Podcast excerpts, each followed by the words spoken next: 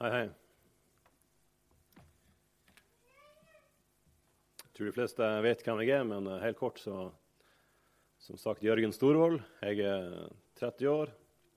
Begynte å jobbe her nå på Fjellheim bibelskole nå i, i høst. Gift med Sofie og har eh, tre barn. Nærmer seg fire i mars.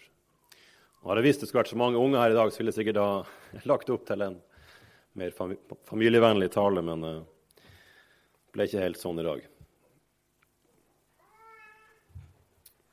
Vi skal lese fra Matteus 1,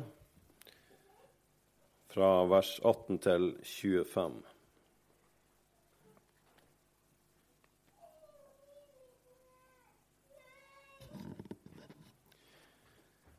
Og vi leser Jesu navn.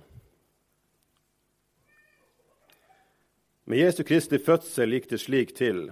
Hans mor Maria var lovet bort til Josef. Men før de har kommet sammen, viste det seg at hun var med barn ved Den hellige ånd. Josef, mannen hennes, var en rettskaffen, og rettskaffen ønsket ikke å føre skam over henne. Ville da skille seg fra henne i stillhet. Men da han hadde bestemt seg for dette, viste en Herrens engel seg for han i en drøm og sa:" Josef, Davids sønn, vær ikke redd for å ta Maria hjem til deg som din kone. For barnet som er unnfanget i henne, er av Den hellige ånd. Hun skal føde en sønn, og du skal gi ham navnet Jesus, for han skal frelse sitt folk fra deres synder. Alt dette skjedde for at det ordet skulle oppfylles som Herren hadde talt gjennom profeten. Se, jomfruen skal bli med barn og føde en sønn, og de skal gi ham navnet Immanuel. Det betyr Gud med oss. Da Josef våknet av søvnen, gjorde han som Herrens engel hadde pålagt ham, og tok henne hjem til seg som sin kone, og levde ikke sammen med henne før hun hadde født sin sønn, og han ga ham navnet Jesus. Hellige Far, hellig oss i sannheten, ditt ord er sannhet.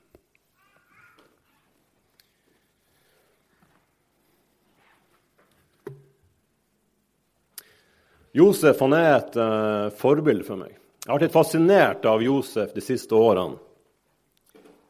Opplever at han er en, uh, en virkelig mann. Det står jo, som vi leste i teksten, at han er en rettskaffen mann, og en mann som er opptatt av å leve etter, uh, etter Guds ord. Og Selv om han egentlig får et liten plass, så tenker han at han spiller egentlig en ganske stor rolle med at han blir den jordiske far til Jesus. Men det er interessant at i, i, Bibelen så hører vi ingen replikker av Josef. Ingen replikker er sitert i Bibelen av Josef. Men hvor Lukasevangeliet i større grad tar utgangspunkt i kanskje mer Maria sin synsvinkel, og, og, fra hennes perspektiv, så hører vi kanskje her i større grad eh, et fokus ifra nettopp Josef. Så jeg ønsker å dvele litt med det og se litt på denne teksten, litt særlig fra hans, hans perspektiv. Josef var jo trolova med Maria.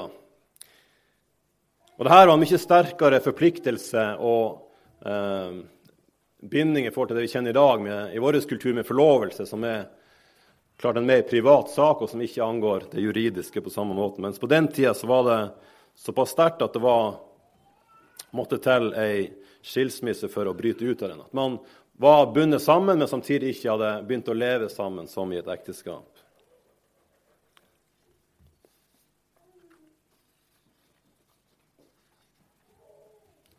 Og Midt i det her så får altså Josef høre at Marie har fått det her budskapet om at hun er gravid. Den hellige ånd har vært med å unnfange et barn i hennes liv. Guds sønn jeg tenker så lett Når vi leser disse tekstene som vi har hørt så mange ganger før, at vi på et vis er med å normalisere det vi leser. De sånne store undrene. Det er egentlig flere store ting vi leser i denne teksten.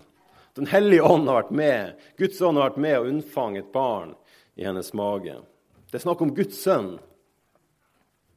Også det med disse budskapene, at engelen med å bringe budskap til Maria også senere møter Josef gjennom en drøm. Det er lett å normalisere og undervurdere de store tingene som faktisk skjer her. Og Tenk også bare i en kultur hos jødene hvor Gud sant, er virkelig en hellig, en stor Gud, til forskjell fra menneskene. Det er en veldig sterk eh, kontrast. Og klart, Man hører særlig rundt, rundt Jesus også, som blir angrepet for at det ikke blir anerkjent. Og Man forstår ikke at det er Guds sønn. Sant? At han blir kritisert for blasfemi fordi han er med å bruke Guds navn. Han er med å, å uh,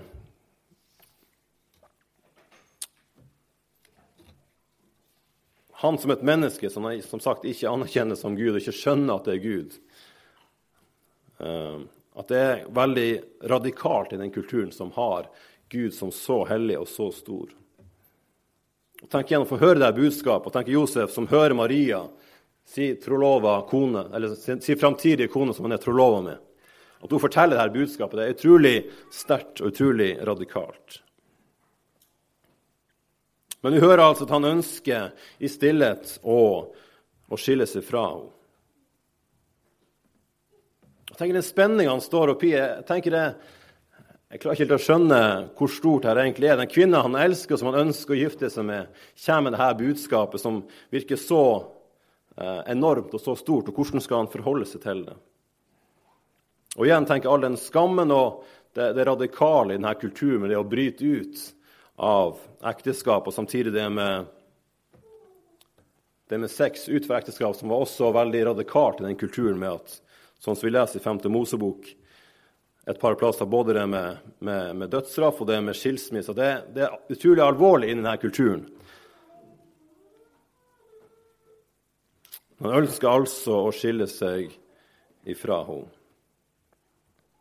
Så står det i vers 20.: Men han har bestemt seg for dette, viste en Herrens engel seg foran i en drøm og sa:" Josef, Davids sønn, vær ikke redd for å ta Maria hjem til deg som din kone. For barnet er unnfanget i henne av Den hellige ånd. Så når Josef er i denne prosessen og dveler med de sånne store tingene, så får han en drøm hvor en engel er med og møter han, og tydeliggjør at for det ene ikke forlat Maria. Hold deg til og gift deg med henne. Og for det andre at det er sant det Maria sier, at det er Den hellige ånd, det er Gud som har vært med og unnfanget. Hun har ikke vært utro, det er Den hellige ånd som har vært og gjort et under. Og tenk det Vi leser i 1.20, og samtidig også kanskje det vi hører enda mer om i, i Lukas. Sånne tydelige, viktige ord også med tanke på det å understreke jomfrufødselen. At det her er ikke noen mennesker som står bak. Det er ikke noe naturlige samliv som har ført til dette barnet. Det er Gud som har grepet inn. Og Hun skal føre en sønn, og de skal gi ham navnet Jesus. For han skal frelse sitt folk fra deres synder. Jesus er navnet som betyr Gud frelse. Som det står, for han skal frelse sitt folk fra deres synder. Og Det med navn og navn som gis i Bibelen, er ikke tilfeldig, men ofte knytta veldig sånn tett sammen opp mot identitet og oppgave.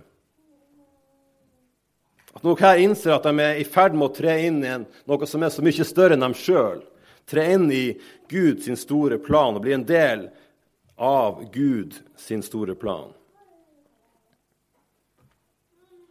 De nok visste at I Det gamle testamentet så var det loven frelser, det var loven Messias som skulle komme. En som var større enn Moses, større enn David, som ville komme og bringe frelse, bringe glede, godhet og frelse til folket.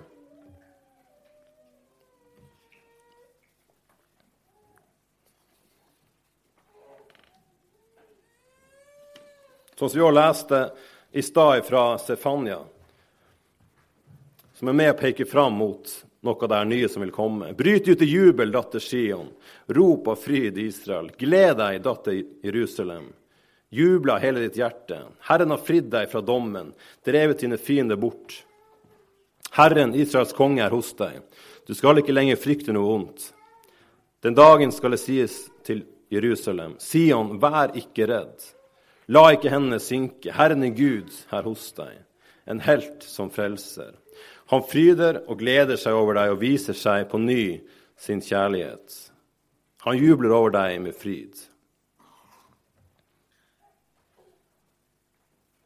Det er vanskelig å få med seg eller forstå, for vi har ikke så mange detaljer i, i hvor stor grad de skjønner hva de egentlig er med på. Men igjen, denne rettskaffende Josef tar imot det budskapet som bringes. tilslutter det, tror på det, skjønner at det er Gud som er på ferde, som er i ferd med å realisere sin frelsesplan. Og som det står i forlengelsen, at alt dette skjedde for at ordet skulle oppfylles som Herren hadde talt gjennom profeten. Se, jomfruen skal bli med barn og føde en sønn, og de skal gi ham navnet Immanuel. Det betyr Gud med oss.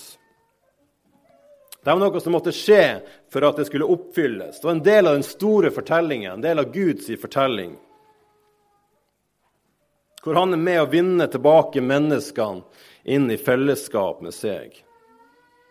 Jesus som skulle komme for å leve det perfekte livet og bytte plass med oss og sone og gjøre opp det som var galt. Kunne skape igjen forsoninga og fellesskap med oss. Noen i ferd med å realisere det som var lova. Den evige Guds sønn er kommet, født inn i verden. Det som all historie egentlig kretser rundt, som vi leser i Bibelen. Jesus og det han skulle gjøre, og den han er for oss. Gud ønsker å gripe inn og være hos sitt folk. Han ønsker å være Gud, han ønsker å være far for sitt folk. Sånn, er ikke bare den hellige, rettferdige Gud som stiller krav, men også den nådige, barmhjertige som tilgir dem som omvender seg til han. Og Livet til Josef, livet til Maria, fikk jo naturlig nok en radikal vri. Hvor deres liv handler om Jesus, handler om å kretse rundt Jesus. På samme måte som også i dag for vår del at vi kalles til å leve vårt liv med å kretse rundt nettopp Jesus.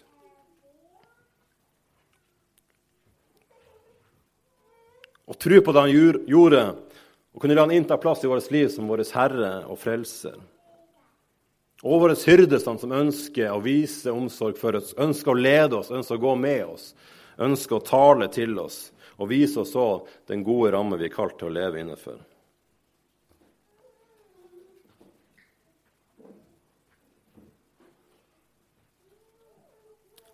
Så står det mot slutten da Josef våkna av søvn, gjorde han som Herrens engel hadde pålagt ham.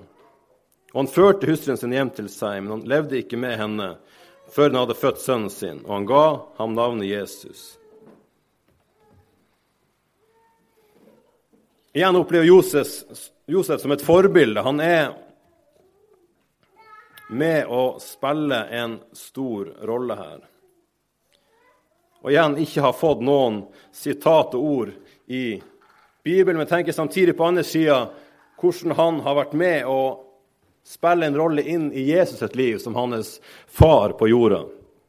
Tenk hvor mange ord, hvor mange samtaler, hvor mye tid han har brukt å være med og investere i han gjennom hans oppvekst. Sånn, den evige sønn som kommer midt iblant oss, kom midt iblant oss, som vi feirer nå i jula. At han samtidig som vi også ser i Filipperne 2, at han som menneske ga avkall på sitt eget. At han var menneske som menneske. Og på et vis Jesus var med å gå i skole hos Josef, denne tømmermannen, og levde tett på han som et menneske. Det står han prøver sånn, Han har gått gjennom ting som et menneske. Og igjen at Josef spiller en rolle. Ikke det at jeg tenker et menneske at vi, Gud er avhengig av oss, men han velger å bruke oss.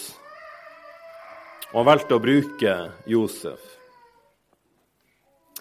Jeg tenker vi fort kan henge oss opp i det og tenke veldig mye på hva er Guds spesielle plan for mitt liv. Den helt spesielle plan jeg skal gjøre. Og jeg tenker Gud har nok en plan og ønsker å bruke oss.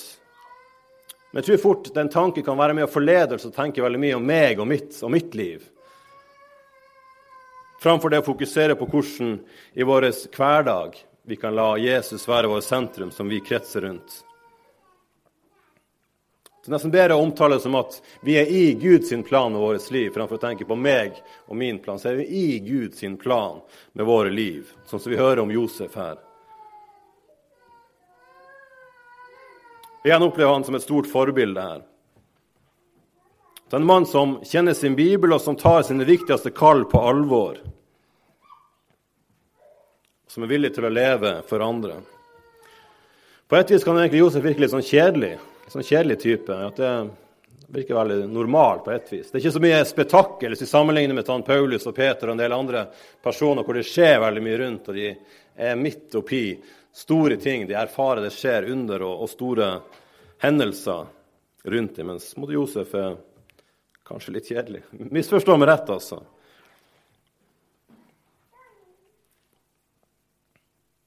Men jeg opplever at han er en skikkelig mann og et godt forbilde. Jeg tenker også bare hvordan ryktene kan settes på spill i, i, og med det han går inn i her. Men samtidig er han villig til å ofre, legge sitt eget til side for Jesus sin del. Og Det siste vi hører om Josef, er i forbindelse med når han er i tempelet, Jesus som tolvåring.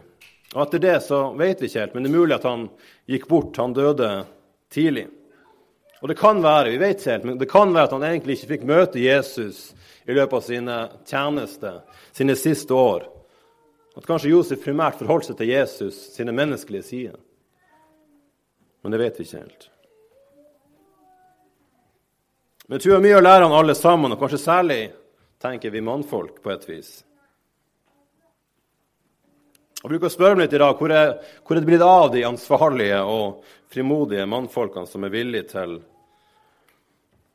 å tydelig leve i, i tråd med Guds ord og ta sine kall på alvor, være med og tjene andre, være med som forbilde, være med og peke på noe større. Det fort blir et utrolig travle liv hvor vi lever veldig mye for vår karriere, for penger, vårt eget. Være med og gjøre ting som tjener meg og mitt og glemme av de store perspektivene.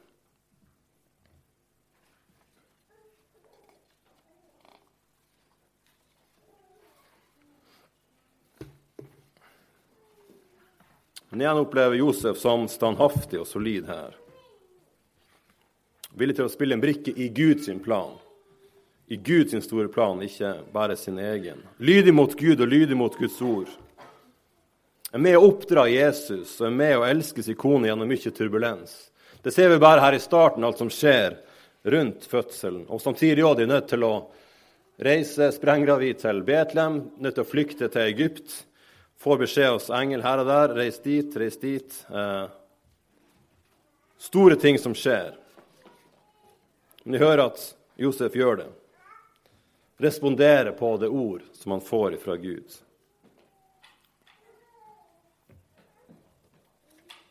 Jeg kjenner lett for min egen lov å tenke at familie og jobb og det hverdagslige fort kan komme i veien for det å ære Gud og bruke meg sjøl i tjeneste for Han. Så hadde jeg bare vært singel, hadde jeg hatt masse tid til å bruke mer tid i å samtale med folk her i fellesskap, og være med og vinne nye, være med og investere i folk, ha overskudd til disse tingene, utruste ledere, ha god tid til å lese Bibelen og fordype meg.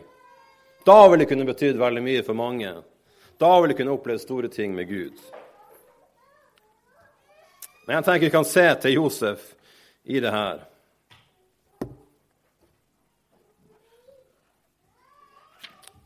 Som lever i sine kall, men som er brukt av Gud midt oppi det, til et viktig oppdrag.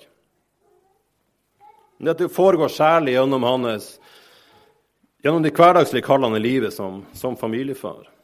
Her oppfyller Josef sine kall. Samtidig er det interessant å se det hvordan Gud kommuniserer flere ganger gjennom disse drømmene. Gå hit, gå dit, vent der til jeg sier fra. Gud Faderen er med og spiller en aktiv rolle her, selvfølgelig, men igjen bruker Josef òg til å verne om Jesus. Han er lydig. Jesus han var sentrum for Maria og Josef sine liv. Deres liv ble levd med han i fokus. De hadde fått et stort kall. Likevel tror de fort selvfølgelig som mennesker kunne bli sløva og glemme av disse perspektivene. Ettersom at igjen ikke Jesus trådde fram med sin guddommelige kraft i sin barndom og brukte det til å fremme sitt eget. At du fort kunne kanskje glemme av noe av det store her. Og tenker Kanskje litt det vi hører i forbindelse med Jesus som tolvåring i tempelet. Det står i Lukas 2, 48 her, når de, Han har kommet bort fra dem, de har reist, og etter tre dager møter han igjen i tempelet. Da foreldrene så han, ble de slått av undring, og hans mor sa, 'Barnet mitt, hvorfor har du gjort dette mot oss?' 'Din far og jeg har lett etter deg og vært redde.' Som foreldre flest. Så står det i 51 og 52. Så ble han med hjem til Nasaret og var lydig mot dem. Men hans mor tok vare på alt dette i sitt hjerte, og Jesus gikk fram i alder og visdom. Han var til glede for Gud og mennesker. Jesus var med å underordne seg sine foreldre og levde som et menneske blant dem.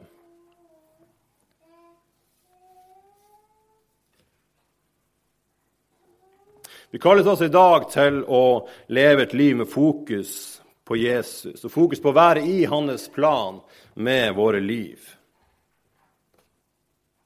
Og Gud er kommet til oss skal kalles Immanuel, hører vi òg. Gud med oss. Han er til stede iblant oss, ønsker å gå med oss i vårt liv, i våre hverdager. Jeg tror ikke vi alltid trenger å hige etter de sånne store, tydelige kallene. At vi kanskje av og til erfarer å få det, men samtidig ikke bestandig. Men heller så at vi kan være der vi er, og være brikka i Guds store plan. Ikke bare det at Jesus blir en liten del av mitt liv, men at jeg blir en del av hans store plan. Jeg tror vi er kalt til å la Jesus være vårt sentrum midt i våre hverdager. Der vi lever som studenter, som i arbeid, i familie.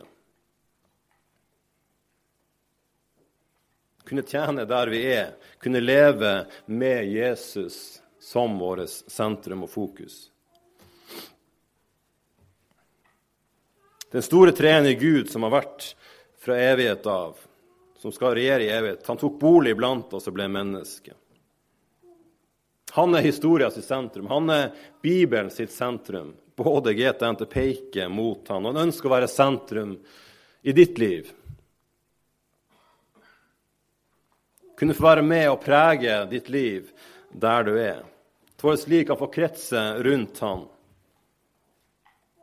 Og tenker at vi her har noe å lære også av Josef. Stole på at han er den frelseren som skulle komme, at han er Messias. Og ikke la han presse ut, og la jula og tida nå handle om så mye annet. Bare tenk f.eks. disse, disse skolegudstjenestene som ønsker å fokusere mindre på det som faktisk skjedde, men ønsker å ta vare på alt det andre. At vi tenker, vi tenker motsatt. Vi må la Jesus ha plass. Han må være det som virkelig er det vi kretser rundt. Ikke la alt annet være støy som drar oss bort, men samtidig at vi kan ta del i det fine og koselige og det som angår familie og andre ting, men at vi ikke glemmer av Han som er, ønsker å være vår Herre og Frelse. At vi stadig kan vende oss tilbake til Han å kunne leve for Han midt i vårt liv, der vi er, i våre ulike kall. La oss be. Takk deg, kjære Jesus, at du kom til oss. Takk at du var villig til å leve det perfekte liv, at du var villig til å leve som menneske iblant oss.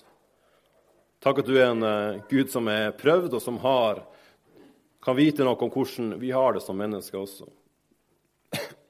Takk at du er villig til å sone, ta på deg den straff og skylda som egentlig vi skulle ha, så at vi kunne få gå fri når vi tilslutter oss og tror på det du har kalt oss til. Vi tror på det du har gjort for oss, det du har gjort for oss på, på korset. Kjære far, jeg ber om at du hjelper oss til å huske på det julet, ber om at vi husker på det du har gjort for oss, hva det handler om, at vi kan bli en del av din store plan. At vi ikke tenker bare på våre egne liv og oss sjøl, men at vi kan leve som del av en større plan hvor du er sentrum, hvor alt kretser rundt.